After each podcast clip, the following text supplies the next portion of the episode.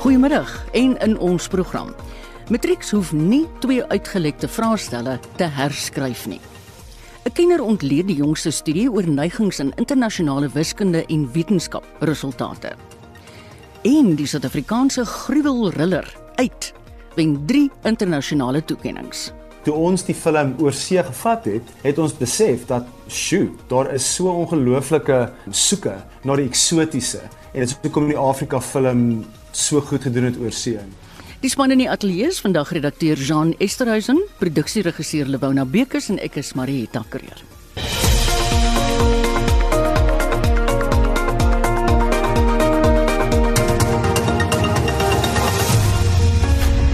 Die Hooggeregshof in Pretoria het gelas dat die minister van basiese onderwys, Angie Motshekga, se besluit om matrieks te dwing om twee uitgelekte vraestelle oor te skryf, ongeruimd en onwettig is.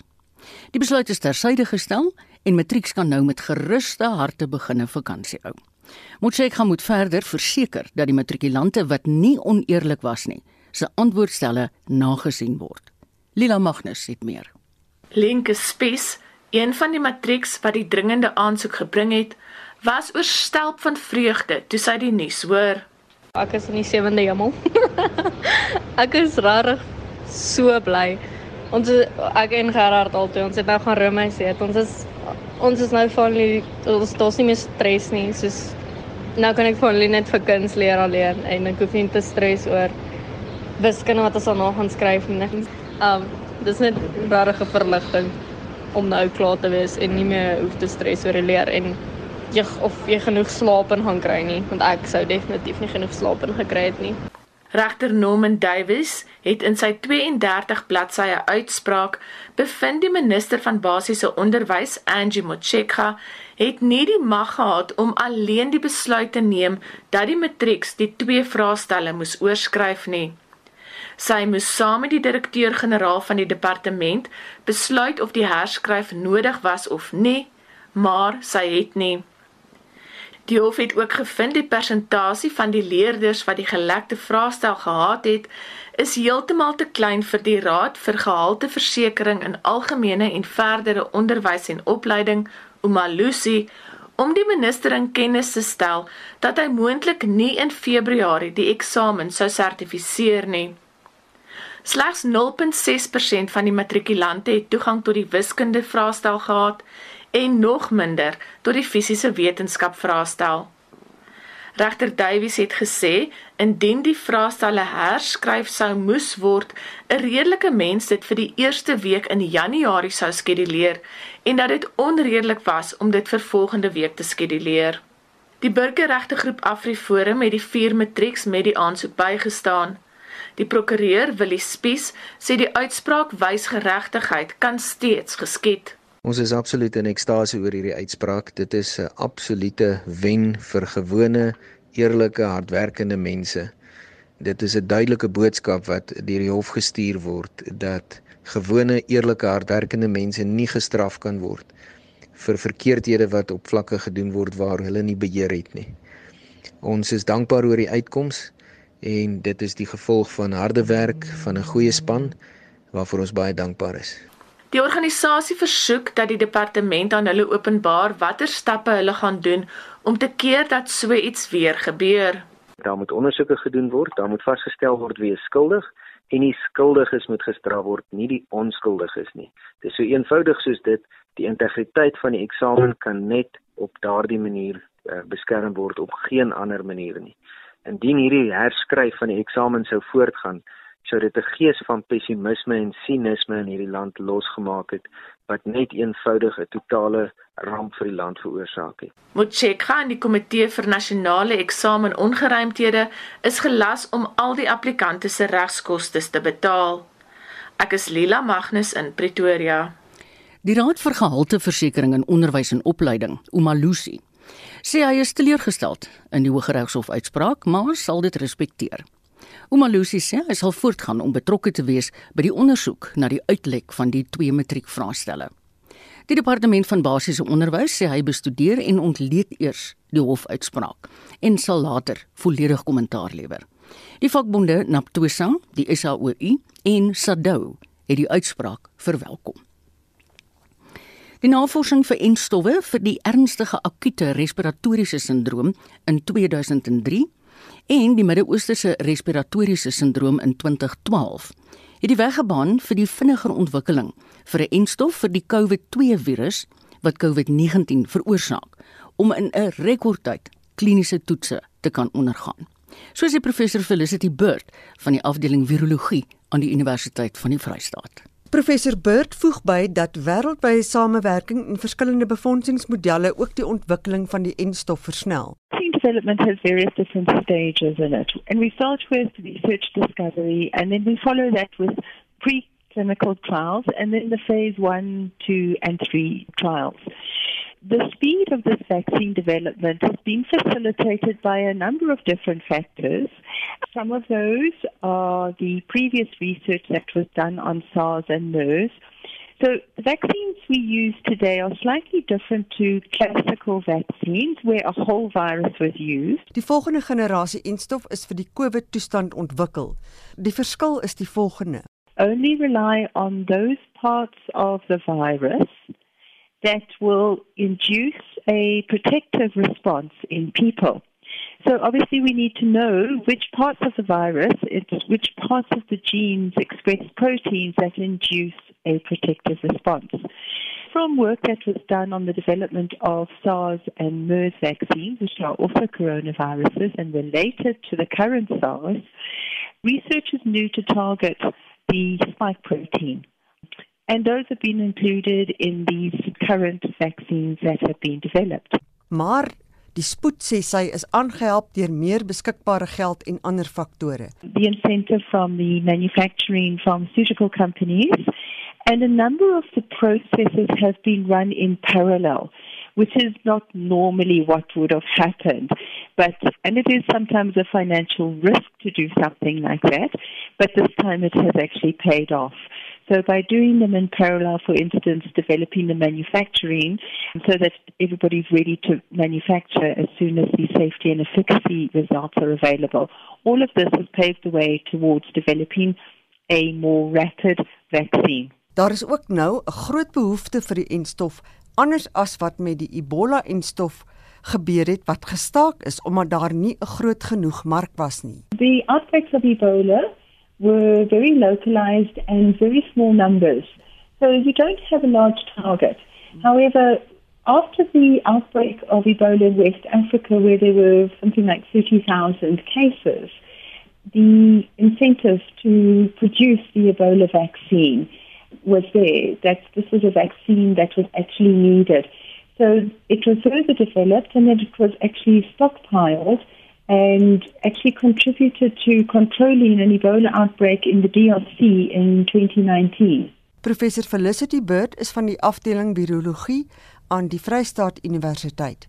Hoewel Groot-Brittanje die week die eerste westerse land was wat die Pfizer BioNTech enstof teen COVID-19 begin toedien het, Nadat noodgoedkeuring gegee is deur die Britse reguleerders, is dit nog nie bekend wanneer die enstof vir verspreiding in Suid-Afrika beskikbaar gaan wees nie.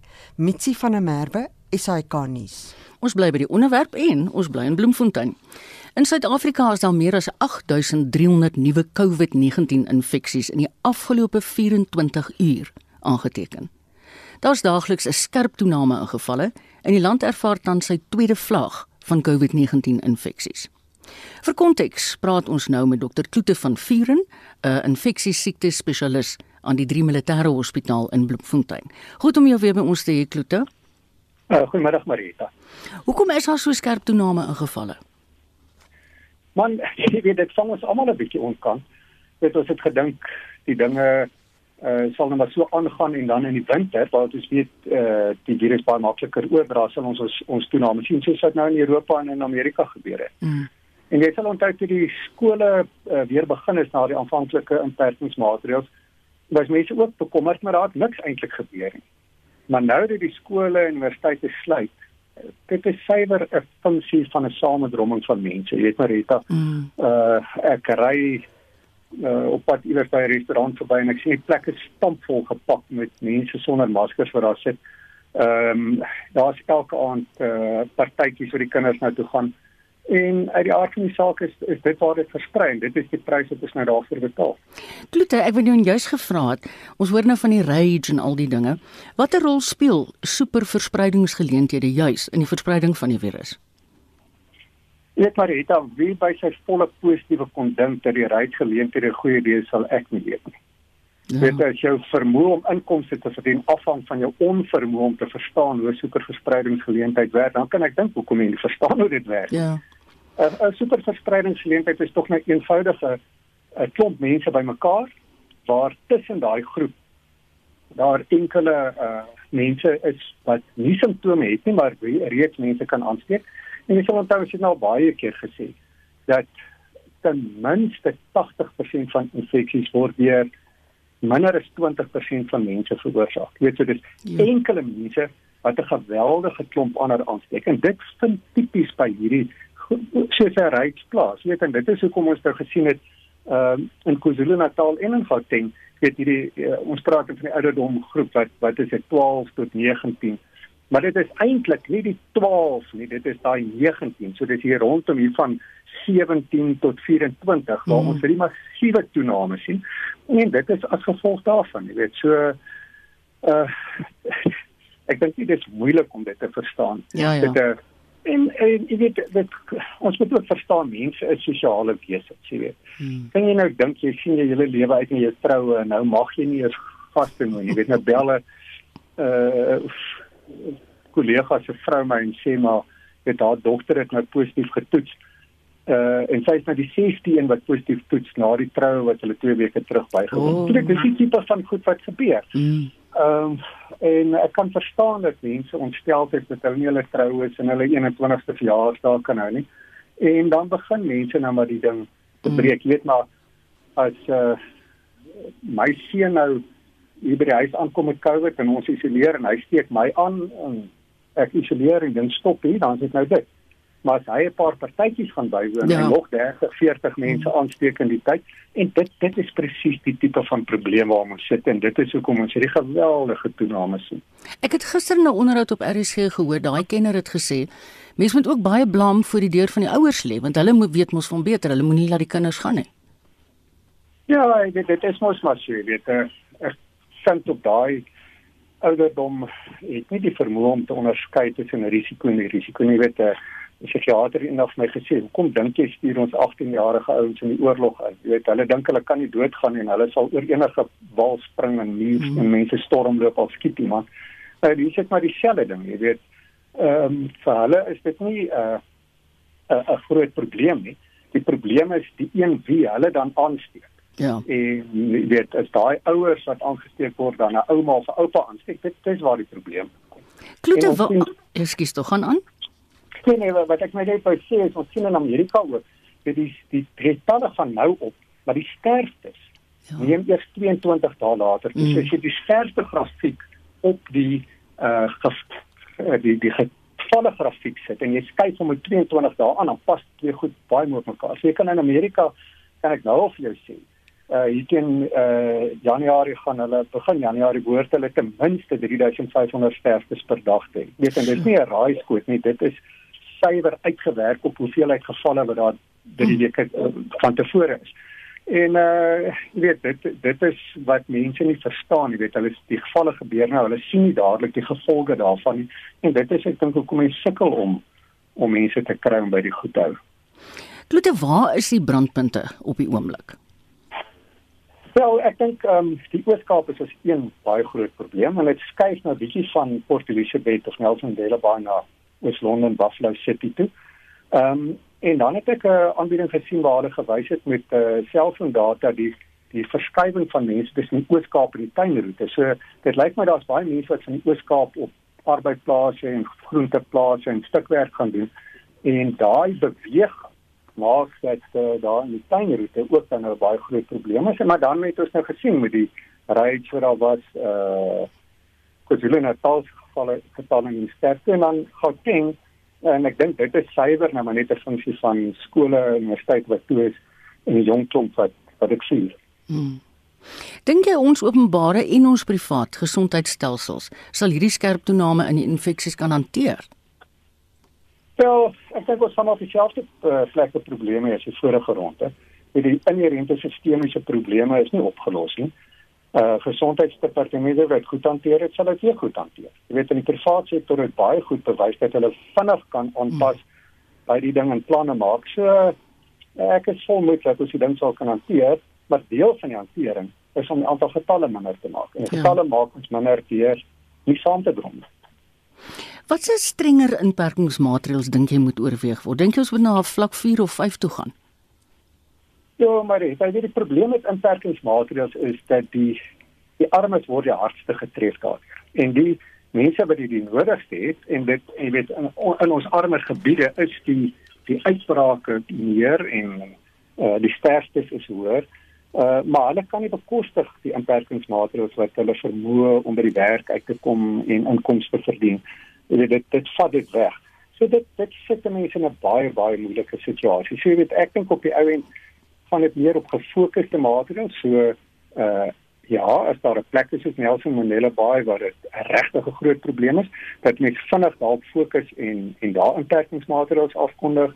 Jy het die koop op drankie hulle nou geteken. Uh mens kan kinders wat saamdrom daai goed probeer oplos.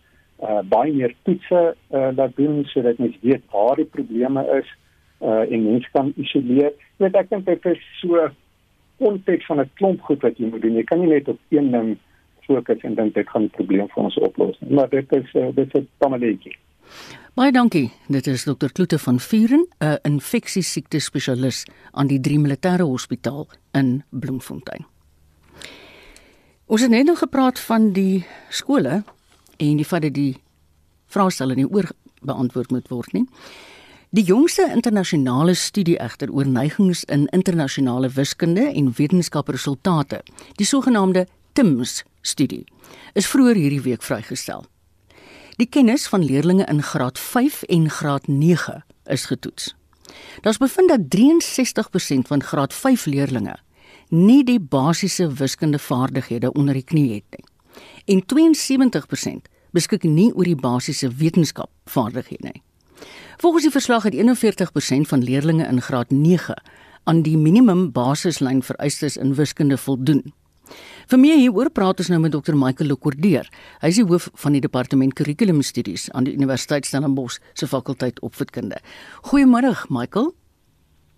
Goeiemiddag Marita en uh, goeiemiddag ook aan al RSG se luisteraars. Jy laat ons almal altyd so so deel voel van die gesprek. Michael, ja, hoekom vaar graad 5 leerders so swak in wiskunde en wetenskap? Het daar is daar is 'n verskeidenheid van redes. Dit dit dit kan nie net aan een bepaalde faktor toegeskryf word nie. Ek het ek het vyf uh belangrike faktore uitgelig. Daar kan nog ander ook wees. Ek gaan dit vinnig noem en ek gaan daaroor gesels. Die een is daar is 'n ge, geweldige tekort aan kundige wiskunde en wetenskap onderwysers in Suid-Afrika en dan weer saamgepat gaan ook swak metodiek. Tweedens, daar is nie genoegsame hulpbronne in die skole nie. Derdens, ek dink die kurrikulum is eenvoudig net te vol. En die vierde instansie, dit is taal, ons gesels oor taal van hmm. onderrig en laastens nommer 5, ek dink die oormatige klem op die matriekeksamen uh neem die fokus weg van die lae skole af. Mm. Nou graad 9 leerders se vaardighede in wiskunde en wetenskap het effens verbeter. Waar sal jy dit toeskryf? Ek sal dit kyk uh soos ek gesê het, daar is baie binne wiskunde onderwysers, maar al in ons uh voorheen benadeelde skole sal jy vind dat daar word net een wiskunde, net een wetenskap onderwyser wat vir wat jy graad 9, 8 tot 12 uh moet klas gee. So jy jy dikwels het jy daar een persoon, maar dit is minstens iemand wat wat weet wat hy of sy doen en weens die geweldige klim op die graad 12 wiskunde stoel dit oor na graad 9 toe. Mm. Byvoorbeeld ehm um, uh, daar sal vir die graad 9 leerlinge gesê word jy moet voldoen aan 'n bepaalde standaard as jy uh, wil aangaan met wiskunde graad 10 ja van 12. So ek dink daar daai wederwysige wat beïnvloeding in die hoërskool kan help dat ek gaan nege se bietjie meer aandag kry. Ehm um, hoekom vaar leerders in die Wes-Kaap beter as in die res van die land? Ja, ek dink dit hou verband met twee die een is ek het verwys na hulpbronne, ek dink aan die wetenskap.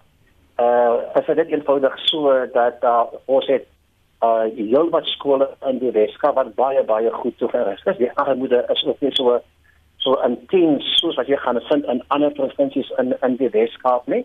En ek dink met die feit dat ons hier beskik oor universiteite soos Kaapstad, Stellenbosch, uh selfs hier eilande en EDK, uh maak dat hier is 'n is 'n kern van van kennis mm. wat wat wat rond beweeg in die Weskaap skole wat mekaar beïnvloed en en dit is 'n positiewe invloed wat wat wat hier plaasvind.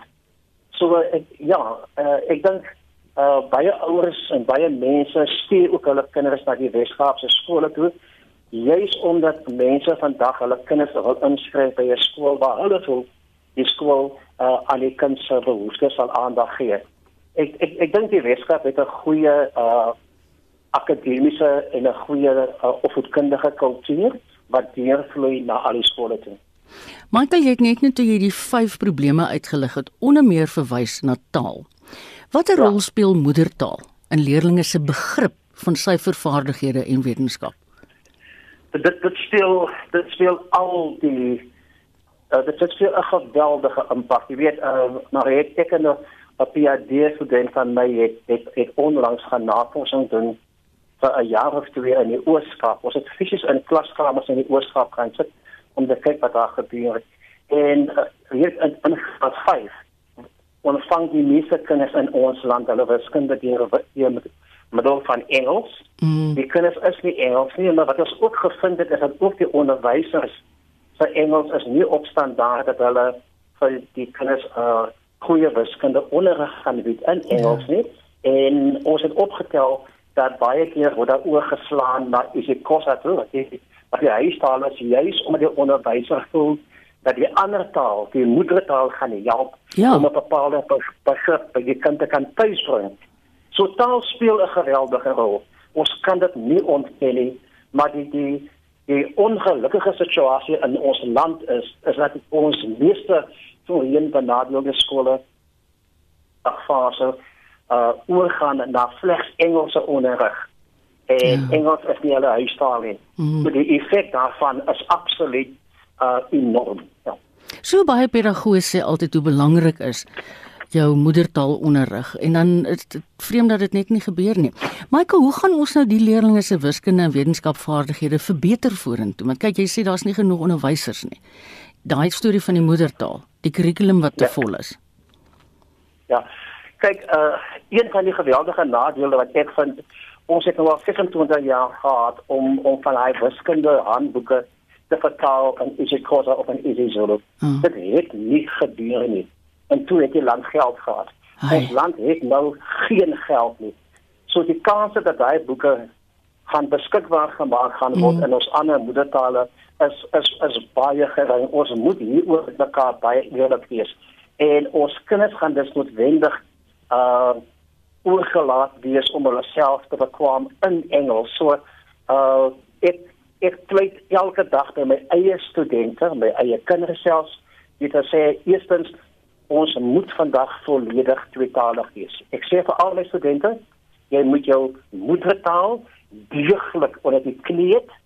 Tweedens, jy moet Engels net so goed vandag kan besig want dit is eenvoudig die realiteit waarin ons leef.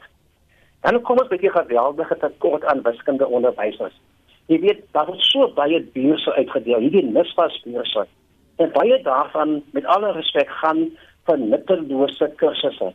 Ons het wiskunde en wetenskap en taal onderwysers nodig. My my pleidooi is kom ons ken beurse toe aan jong mense wat wiskunde, wetenskap en taal onderwysers wil word. Kom ons moedig hulle aan en ons maak dit hulle aanloklik om 'n onderwyser te word in 2021 want dis waar ons hulle nodig het en dis waar in ons land se fondse moet gaan want dis waar ons 'n verskil moet maak Ek hoop hulle luister vandag, Michael. Baie dankie, dit is altyd 'n plesier om met jou te praat. Dit was Dr. Michael Lekordeer. Hy is die hoof van die departement kurrikulumstudies aan die Universiteit Stellenbosch fakulteit opvoedkunde.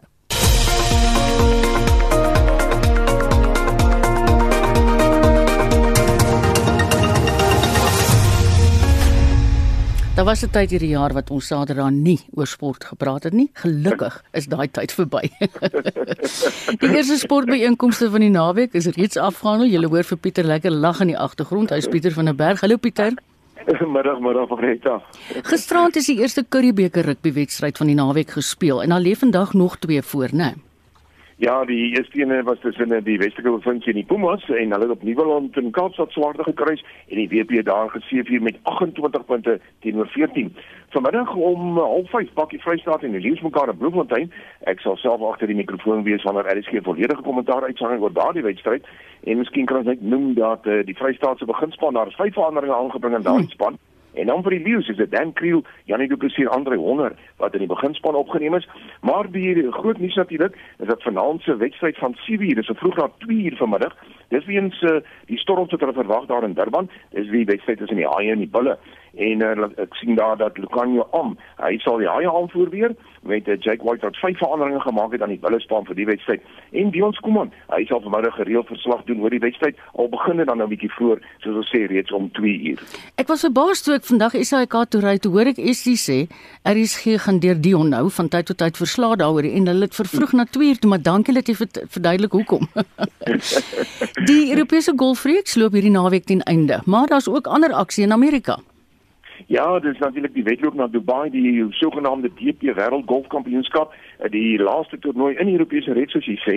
Nou die derde ronde staan reeds einde se kant op Patrick Reed. Hy is voorloper op 1100 syfer, Laurie Kender is op 1000, ek sien Matthew Fitzpatrick op 900. Ongelukkig Erik van Rooyen so pas hou aan syfer afgestaan daar op die 15de. Hy's op 700. Brandon Grace goed geplaas op 800 en dan Brandon Stone is op 500. So daar is sewe Suid-Afrikaners in die top 30 ja. en daar is net 60 spelers in hierdie finale toernooi. Ek sien die jong Gerrit Hugo, hy het ook uh, die ronde vandag afgesluit uh, op 66 vir die dag. Dis 600 wat hy dan met ander woorde vir die dag gespeel het en hy 300 vir die toernooi. En soos jy genoem het in Amerika is dit die sogenaamde QBE shootout of uitskietstryd en dit word aan Florida gespeel. Nou dis 'n twee man span kompetisie. Um, Kevin Na en O'Hare, hulle is die voorlopers daar op 1600 syfer Palmer en Warner die tweede hy's op 1500 Louis Oosthuizen van Suid-Afrika speel saam met Bobo Watson hulle is op 1200 en hulle is in die sewende plek en dan die Amerikaanse vrou oop word in Houston in Texas gespeel en na die tweede ronde is Aniko Shabuna die voorloper op 700 syfer drie houe beter as Lynn Grant wat op 400 is. Ashley Buhain van Suid-Afrika maar het haar goed geplaas. Sy's op 200 so sy daar in die sesde plek. Gister in Monitor het jy gesê dat die krieketoets reeds tussen die Proteas en Sri Lanka wel voortgaan. Het jy vir ons nuus oor die Proteas se span vir die reeks. Ja, daardie span is gister, die groep is bekend gemaak en Quentin de Kok, hy sal die kaptein wees. Ehm um, natuurlik is hy die eendag of die verkorte vorm van die spel is hy ook die kaptein. Hy sal nou in toetskriket ook as kaptein uitstap en ek sien daar dat Sarel RW, Glenton Stuurman en Karl Verreine, hulle is die nuwelinge in die groep van 15 spelers en die voormalige onder 19 kaptein Jan Mulder, hy maak sy terugkeer na die span na 'n lang beseringstydperk. Kagiso Rabada en Dwayne Pretorius, hulle is nog uh, nie fiks nie en uh, sukkel nog met beserings. Die 52 toetse sal in Centurion in Johannesburg gespeel word. Die eerste toets begin op 26 Desember en RSG sal gereeld kommentaar en verslag uitsaai oor die gebeure. Dan die tweede toets tussen Nieu-Seeland en die Windies word daar in Wellington gespeel. Nieu-Seeland het weer die Windies ingestuur om te kolf. Nou na dag 2, Nieu-Seeland het 460 na die eerste beurt aangeteken. Is die Windies nie diep in die moeilikheid? Hulle is op 124 vir 8. En dan in die plaaslike vierdagreeks begin daar môre drie wedstryde. Die Warriors speel teen die Cape Cobras, die Titans teen die Dolphins en dan is dit die Knights en die Lions wat sal kragte net in Bloemfontein. Pieter die laaste Formule 1 Grand Prix van die seisoen word môre gejaag. Wat het als gebeur in die oefensessies in Abu Dhabi? Ja. Ja, Abu Dhabi uh, kwart oor 3 môre middag uh, sal die manne wegspring in daardie wet. Uh, interessant natuurlik, Lewis Hamilton het ter terug op die oefenbaan gewees, maar hy sal slegs deelneem as hy fiks verklaar word en natuurlik negatief toets vir COVID-19. Nou uh, Max Verstappen het die vinnigste tyd in die eerste ronde se uh, oefensessies gister behaal en hy was voor Valtteri Bottas en Esteban Ocon en dan die kwalifikasie van vanmiddag plaas en op die punte leer is Hamilton natuurlik 127 punte voor Bottas. Mm. Max Verstappen is derde en Perez is uh, vierde daar in sy Racing Point motor. Ons het hierdie week in ons sportbydraes baie gehoor van die nasionale netbalkampioenskap, maar hy loop vandag ten einde. Wie was die sterre in die halfeindstryde? Ja, ja, dis aan Bella Bella waar die halfwynstyler gister beslis is. Dr. Kenneth Kaunda van uh, Noordwes het vir Kaapstad getroof met 54-16 en dan het Swani afgereken met Johannesburg. Ja, 55-23, twee groot oorwinnings. Ehm um, en dan die eindstryd word nou vandag gespeel en dit sal dan wees tussen uh, Dr. Kenneth Kaunda en uh, alles van Noordwes en natuurlik Swani is die ander span in die eindstryd. Jo, dis 'n verskriklike tellings hè. Op die sokkerveld is daar 'n klomp wedstryde wat gisterand reeds gespeel is en daar's 'n hele klomp geskeduleer vir die res van die naweek. Ja, en gister se Netbank uitdag reeds, is dit Cape Town All Stars wat geklop is deur Royal. Hulle is uh, eh, 1-0 daar kon gekry en Richards Bay het afgereken met die Universiteit van Pretoria 1-0. Vanaand speel Bloem Celtic in Orlando Pirates. Dis natuurlik in die NBN 8 sokker eindstryd daar in Durban en Johannes sou sal vanaand telefonies verslag doen op RSG. Nou gister in die Engelse Premier Liga 1 wedstryd, West Ham United het 'n wegoorwinning behaal oor Leeds United Marita. Die telling daar 2-1 en vandag is daar vier wedstryde. Wolverhampton Wanderers speel teen Aston Villa, Newcastle United teen West Bromwich Albion, Manchester United teen Man City. Dis die groter vir my die naweek en dan is dit uh, ook vanaand om 10:00 Everton teen Chelsea. Baie dankie Pieter, dit lyk vir my jy gaan nog hard werk vanmiddag. Dis Pieter van der Berg van RSG Sport en ons bly by sport. Die Switserse fietsryer Connie Loser het vanjaar se Desert Dash in Namibië vir 'n 6de agtereenvolgende jaar gewen. Hierdie uithourit oor 373 km van Windhoek af na Swakopmund trek jaarliks nie net Namibiese deelnemers nie, maar ook ryers uit Suid-Afrika en ander lande. Frikkie Wallis berig van die Namibiese kus af. 'n Duisend mans en vroue deelnemers het gistermiddag in Windhoek weggetrek vir vanjaar se rit met die eerstes wat so wat 14 uur later net na 5 uur vanoggend op Sokkemoond aangekom het. Die ryers het 24 uur tyd om die roete te voltooi. Loser het na sy oorwinning gesê dat vanjaar se dit besondere uitdagings gebied het weens COVID-19. Hoë temperature en 'n sterk westewind het die uitren ook bemoeilik. This one was a very hard one. It's always hard. I mean, even your your favorite or so, you have to first have to finish it. And um, yeah, I'm very happy that today it worked out because I had uh, took a few shots for a long time. So yeah, in the end it was I was struggling a lot, but I'm happy that it yeah that I could win again. 'n Suid-Afrikaanse span wat bestaan het uit drie Kaapenaars en 'n Namibier wat inderdaad ingesluit moes word toe die 4de Kaapse lid weens COVID-19 moes onttrek, was een van die eerste spanne wat die rit oor 6 skofte voltooi het. Een van die spanlede is David Carrot. Dit is een van die locals gekry, ou Dian Lekok, hy het sommer vir ons kom ry want ons kon nie iemand kry 48 uur om te vlieg vir die tyd nie. So ja, gelukkig kon ons 'n local kry. Ek het stage 3 gery, ek het dit gehaat, maar die laaste skof was fantasties.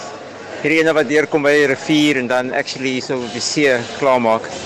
Ja, yes, is baie nice, ek moet sê. Een van die organiseerders van die Desert Dash, Patrick de Goede, sê daar was vanjaar weens COVID-19 nie soveel buitelandse deelnemers soos in die verlede nie. Daar's obviously uh, reisbeperkings of inperkings, maar handjievol Duitsers, een of twee Engelsmanne, 'n skot wat tussen die lot is, 'n Switser, die verdedigende kampioen is, 'n Switser. Hy het nou al 6 medaljes ingepalm en dan heelwat deelnemers uit die SADC-lande. So sewe bedrag hier ryers uit Suid-Afrika, ek dink Angola, Botswana, Zimbabwe, en so al die buurlande. En dit was Patrick de Goede, een van die organiseerders van die jaarlikse Netbank Desert Dash van Windhoek na Swakopmund wat moeilike skofte in die wêreld se oudste woestyn die naam op insluit. Ek is Frankie Wallis op Swakopmund. Is ingeskakel op RSG, dis die program Naweek Aktueel gewoonlik na sport. Kyk ons na karre. En in sy motorrubriek bespreek Wessel Pretorius vandag padveiligheid.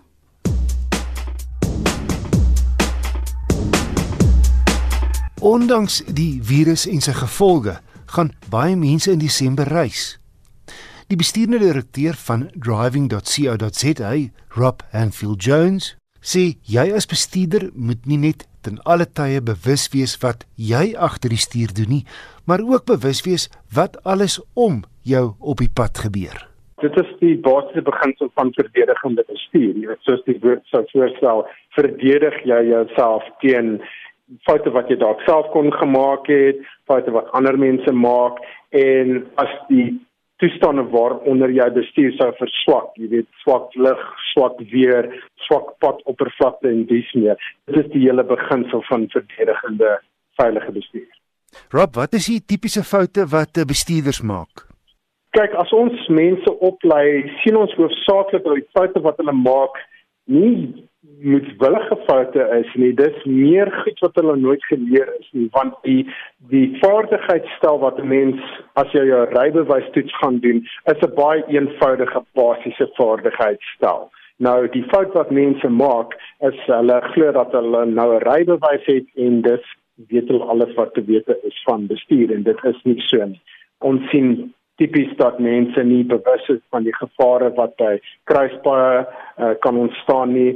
Hulle weet nie wat is die veilige volgafstande vir die bepaalde toestande waaronder hulle ry en hoe om die, hulle volgafstand te meet nie. Hulle observasie voordat hulle van pos posisie op die pad verander is gewoonlik uh, ek wil nou nie sê afwesig nie, maar die meeste mense kyk nie behoorlik voordat hulle nie. So dit is daardie soort van fiducie goed waarop daar nie eintlik by lisensie vlak klem gelê word nie en ook dan goed wat intussen verander. Jy weet wette verander, motors verander, paaie en padtekens verander. So dit is nou maar 'n kwessie van bybly met al die veranderinge sedert die mens jou rybewys gekry het.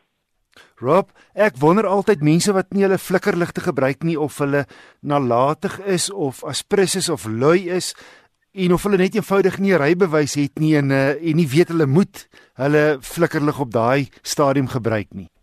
Ek dink dit is 'n kombinasie van al die faktore wat jy genoem het.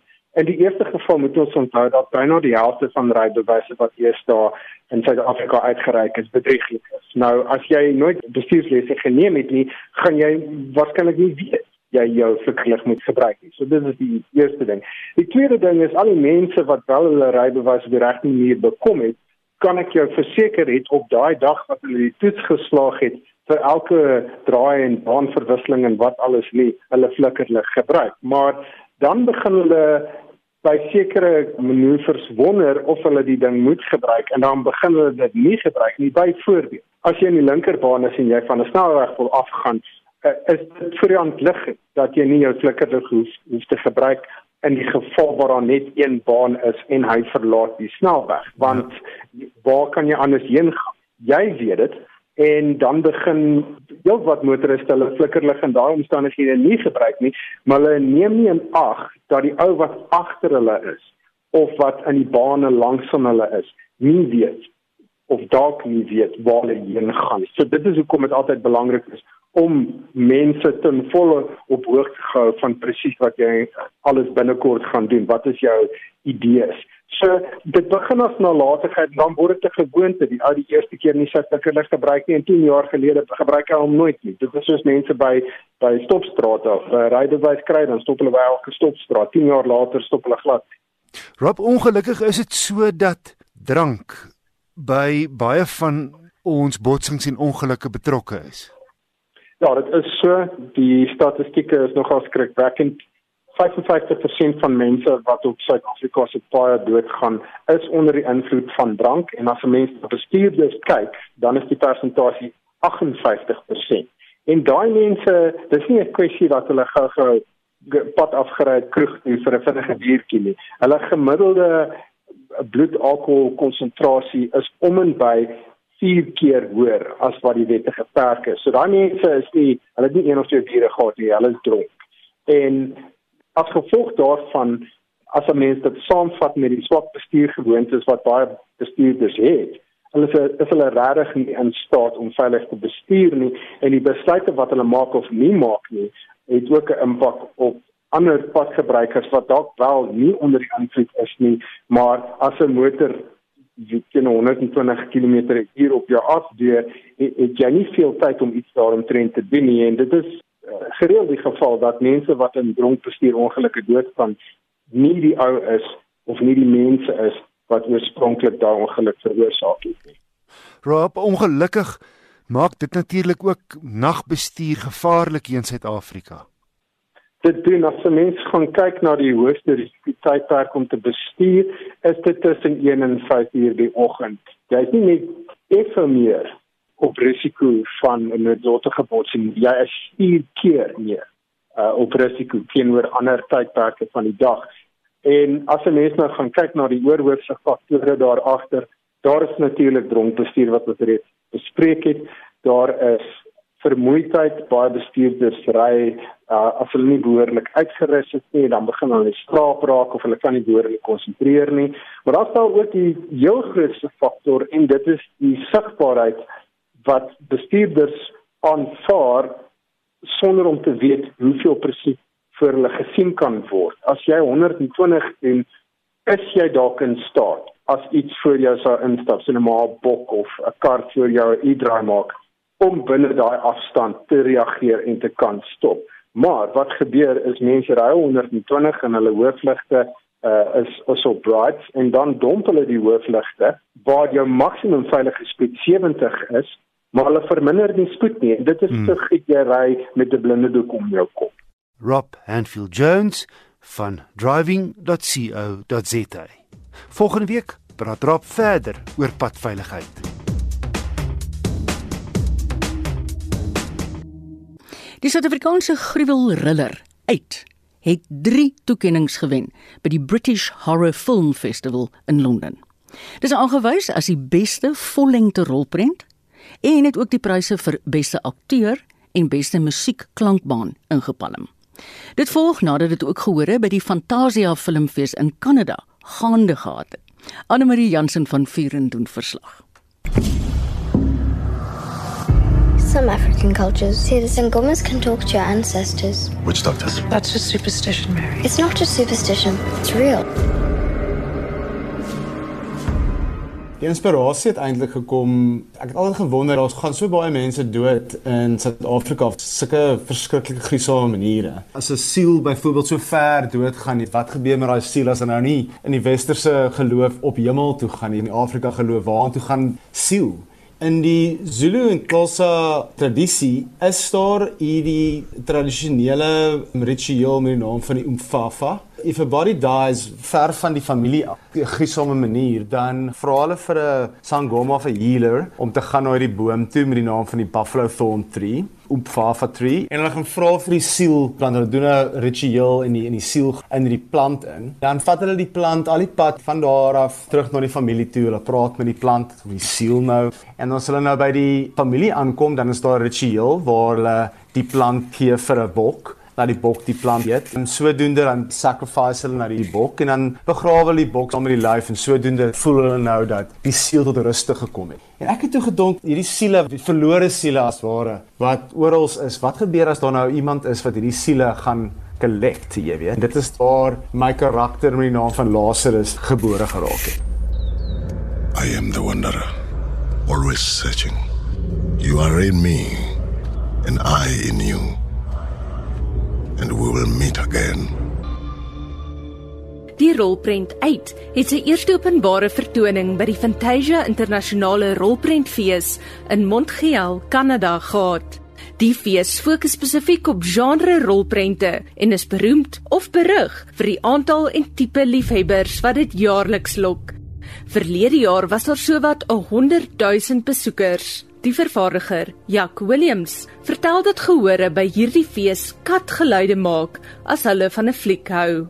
Ons het 3 keer gewys, ons is elke keer uitverkoop. Toe ons op ons premier aand daar aankom, toe staan daar 'n skrikkelike lang tou want jy kan actually nog by die fliek inkom as daar mense nie opdaag nie. So die mense was verskriklik positief oor die fliek nie. En die gehore is verskriklik interaktief. Voor die fliek begin dan meow hulle en hulle maak sulke purr geluide en en binne die fliek as hulle skrik of hulle hou van iets, dan meow hulle weer of hulle klap hande. Dit was baie interessant om dit te sien en hulle het ons regtig met oop arms ontvang vir hulle van hierdie tema vreemd in die gruwelflieks wat uit Amerika uitkom en raak hulle nie regtig aan die, die Afrika tema nie. So ek dink dit was nogal vir hulle iets uniek. Holscher stem saam. Suid-Afrika ironies, is een van die enigste lande ter wêreld wat nie gruwelprente kyk nie. Ons mense is verskriklik bang vir gruwelprente. Reg oor die wêreld is die gruwel genre die grootste genre ter wêreld. Daar is 'n ongelooflike groot mark daarvoor. Ek meen toe ons die film oor see gevat het, het ons besef dat sjoe, daar is so ongelooflike soeke na die eksotiese en dit is hoekom die Afrika film so goed gedoen het oor see. Intussen val agente en verspreiders oor hulle voete om die fliek te koop. Williams sê hulle het 10 aanbiedinge van agente gehad wat daarin belang gestel het om die verkope te behartig. Hulle het uiteindelik 'n kontrak met 'n verkoopsagent in Los Angeles onderteken.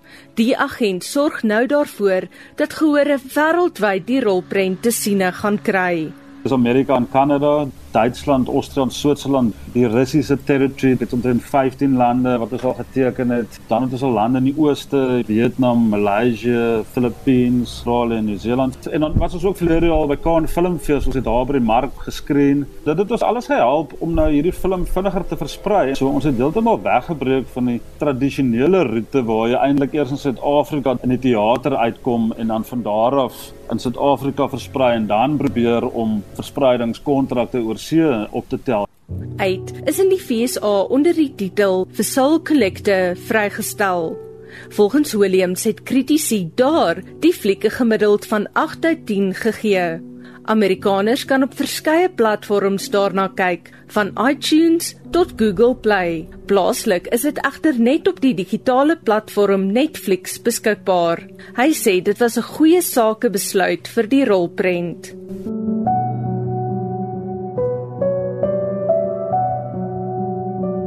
Enough about Sangomas before we all get nightmares. Terwyl hulle rolprent die Suid-Afrikaners met nagmerries mag wakker hou, het SAK nuus vir Holscher wat die spookstorie geskryf het, gevra of die spooke nie dalk vir hom in sy drome kom kuier het nie. Daar het iets interessant gebeur nou met ons praat oor nagmerries. Ek het gegaan na daai Portland Manor wat in 1842 gebou is.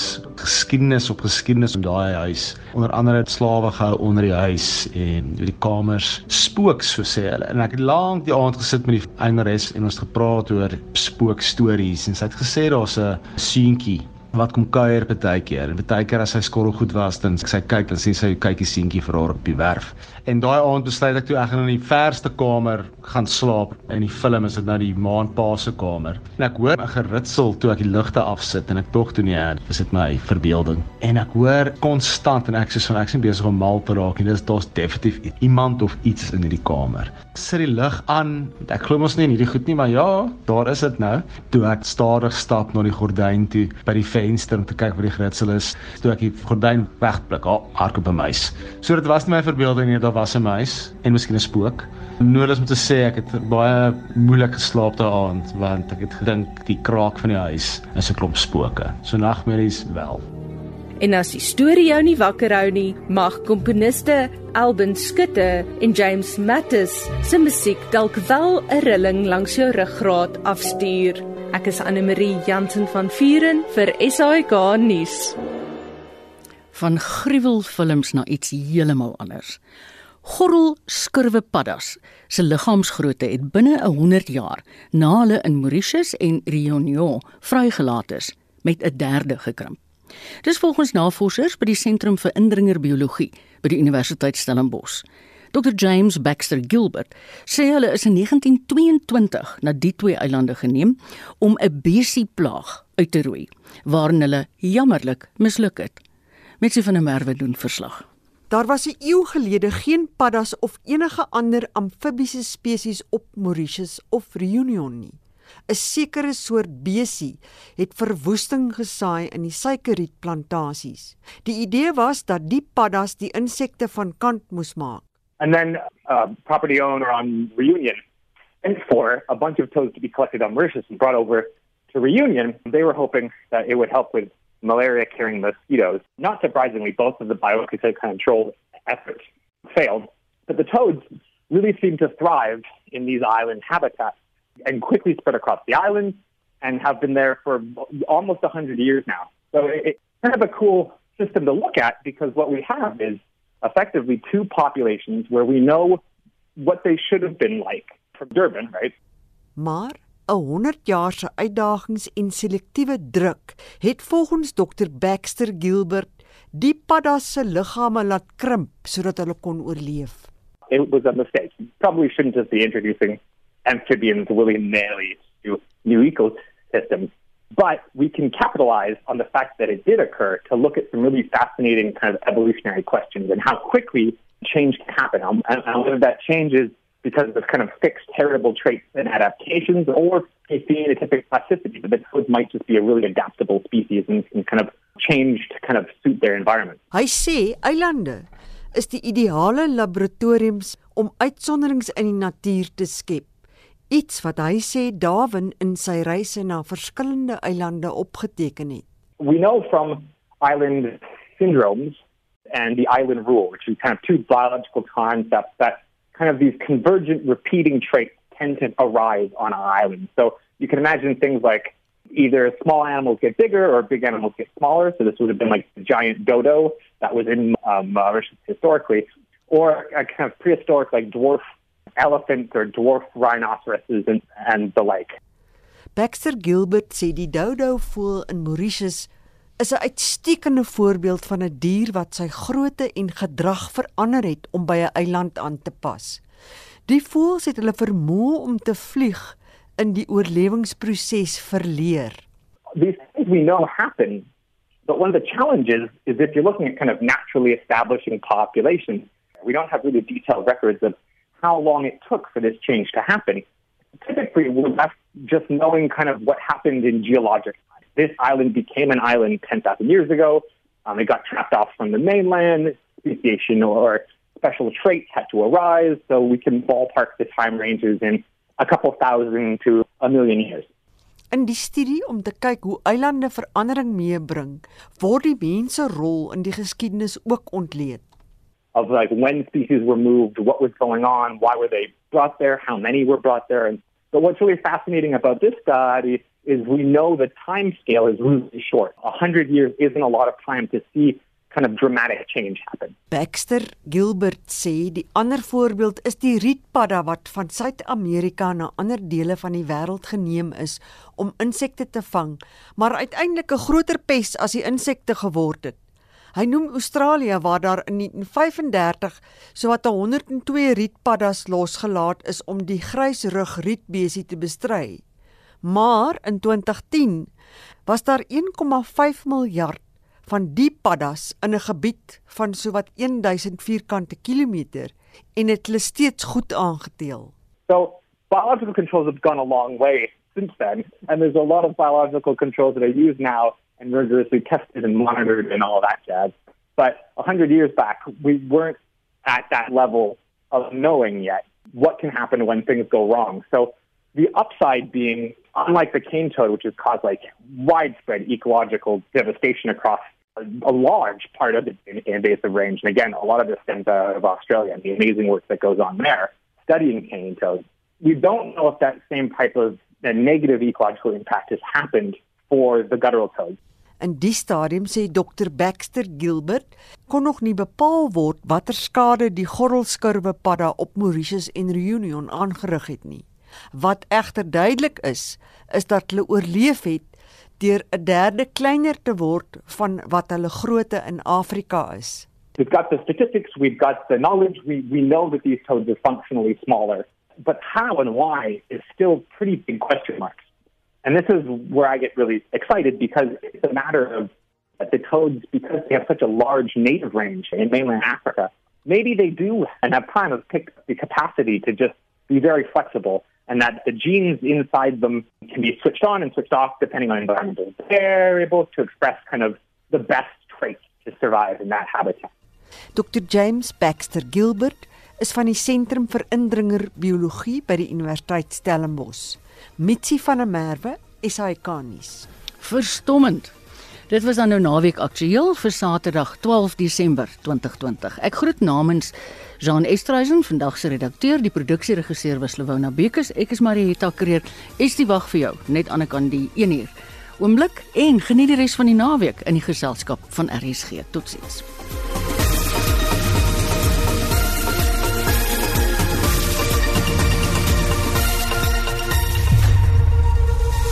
SAK nuus.